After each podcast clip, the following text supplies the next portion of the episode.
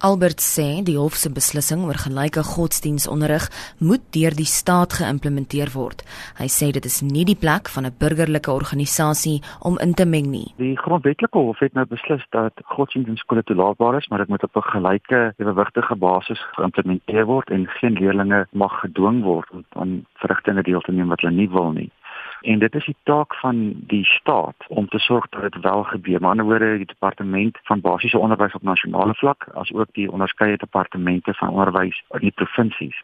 Die grondwet is baie duidelik dat daai pligte lê nie op 'n burgerlike organisasie nie. Die voorsitter van die organisasie vir godsdienstige onderrig en demokrasie, Hans Petersen, sê egter hulle skryf hierdie briewe nadat ouers hulle nader. Die briewe word geskryf wanneer ouers by ons kla en die briewe spreek skole aan wat spesifieke gedrag toon wat buite die skolewet, die grondwet en so aan is en die uitspraak van onlangs.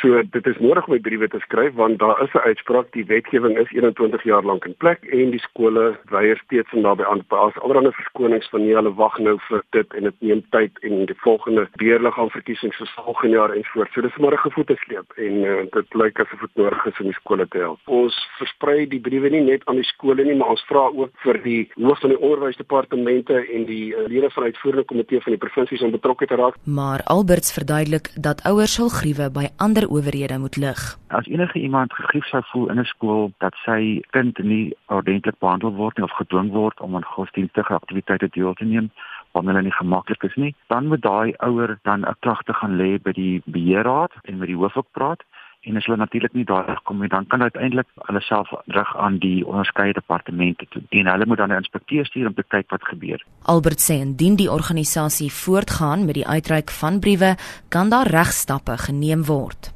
Hulle is nie 'n prokureursfirma nie. Hulle is net 'n drukgroep.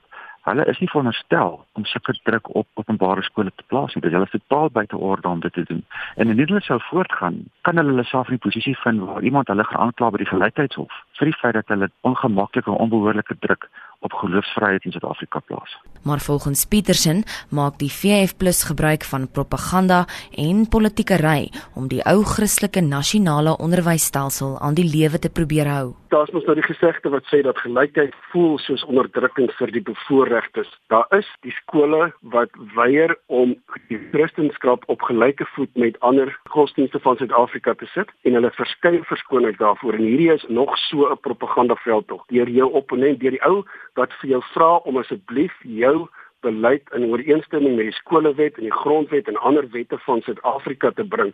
Hy is die een wat nou verdag gemaak word, want dit is jou enigste verweer. So dit is wat hy aangaan. Ek het geen respek vir hierdie tipe politiek bly nie. Dit was die voorsitter van die organisasie vir godsdienstige onderrig en demokrasie, Hans Petersen.